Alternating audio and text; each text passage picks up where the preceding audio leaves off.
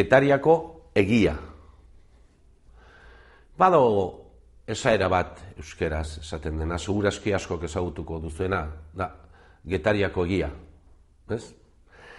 Eta nundik datorren, oraintxe jakingo duzue. Ba, esate dute aspaldian, o garai batean, euskalo noiz, ba, getarian ez zela egirik esaten. Eta horrek arazoak ekartzen zituen, noski, bata zein fiatu zeinekin. Eta udaletxean egiten zituzten udalean, batzarrean, eta alagoak, ba ere, arazoak elkarri ezin sinistu, eta nola hartu erabakiak. Eta horrek, ekartzen zituen nahiko arazo herrian. Borduan, udal batzarra bildu zen, eta erabaki zuten, ba, egiaren bila joan behar zutela, odo ekarri behar zutela herrira. Eta zer egingo, nola, nundik ekarri egia, nuno dago, nio jakinez, apaizari galituko diogu. Eta apaizari zuten. Apaiza etorri zen, eta apaizak, bo, noski, egila ekartzeko modurik onena, da iruñako apaizpikoaren gana joan, eta berak izango du benetako egia. Eta loxe, primeran, ba, enkargatu zioten, bi herritarrei, ba, joateko iruñara, egiaren bila. Eta paisak esan zien, ara, hemendik ataunera badakizue bidea. Ba, ataunik gora igo, gerandik etxarriara nazera jetxiko zarete, eta etxarritik aurrera, dena berdin-berdina da, aldapari gabe, eta aiatuko zerrate, iruñara, apezpikoaren etxaiatu, eta eskatu egila, nire partetikan. Ta, primeran, talaxe joan ziren, bi getariarrak, joan eta joan, joan eta una llegatu, igo aldapa, gora aldapa, bera, txarrira eta txarritikan aurrea irurtzun eta iruñara aiatu zien. Tantxe, muraiak eta gipuzkoako sarreran, eh? antxe muraiak, iruñako muraiatan, soldauduei galdetu, eta, ezue, baute dakizu ezuek nun dagoen apezpikuaren palazioa eta, oh, ba, goi deika enez, dakigo, hortikan galdetu eta, sartu ziren, noa joetzekitela, ba, elkartu ziren alako, estudiante batzuekin. Eta estudiantekin berriketan eta beren asumoak azaldu zizkieten, eta orduan estudiantiak, ah, hau egin merienda derrengo jau.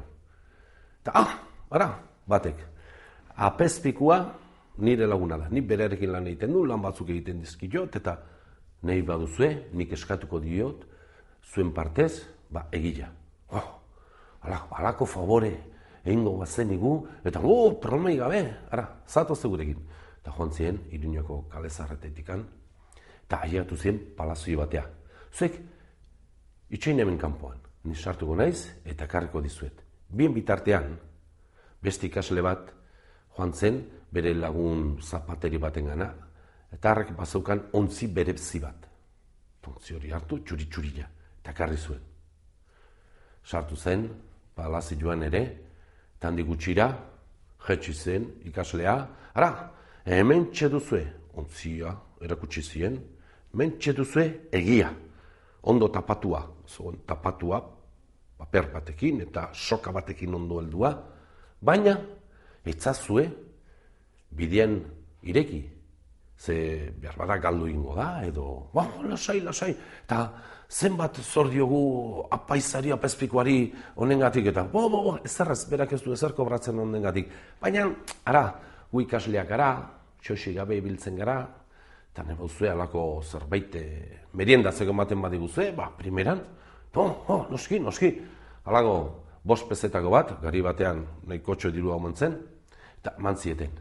Haiek pozik meriendatzea, eta gaitariarrak pozik egia eskutan zutelako eta bidean bueltan beste biegun oinez, ta, ta, ta, ta, ta, ta, ta, txarri, gora, taun, eta getarira llegatu ziren. Eta ja, getarira sartu orduko, getariar guztien artean bazen zurumurroa zabaldu zen, ba, getarira egia llegatu mentzela.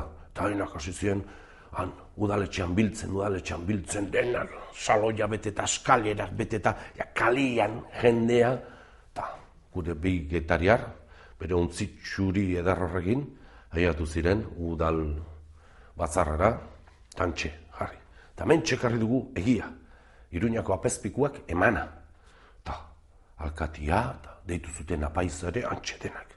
Eta alkatiak zabaldu zuen, ontzi hori, Eta usaila, zuzai klasera. Zuzaila bako kiratxa. Eta ba, sartu zen, bihatza, ontzi barruan, ea, bigiratu, usaindu, probatu, eta, baina, hau kaka da, eta paisa etorri zen nola, bihatza sartu hau ere, probatu eta, bai, egia da, eta bo, getari arguzien artean, sekulako izkanbila, ba, egia ekarri dugu, egia ekarri dugu, egia ekarri dugu, eta alaxe, omen, ailegatu omen zen, egia getarira. Baina, getari aldea joaten mazarete, uste dut ez zailela gehiago gustatzen historio honen aipatzea.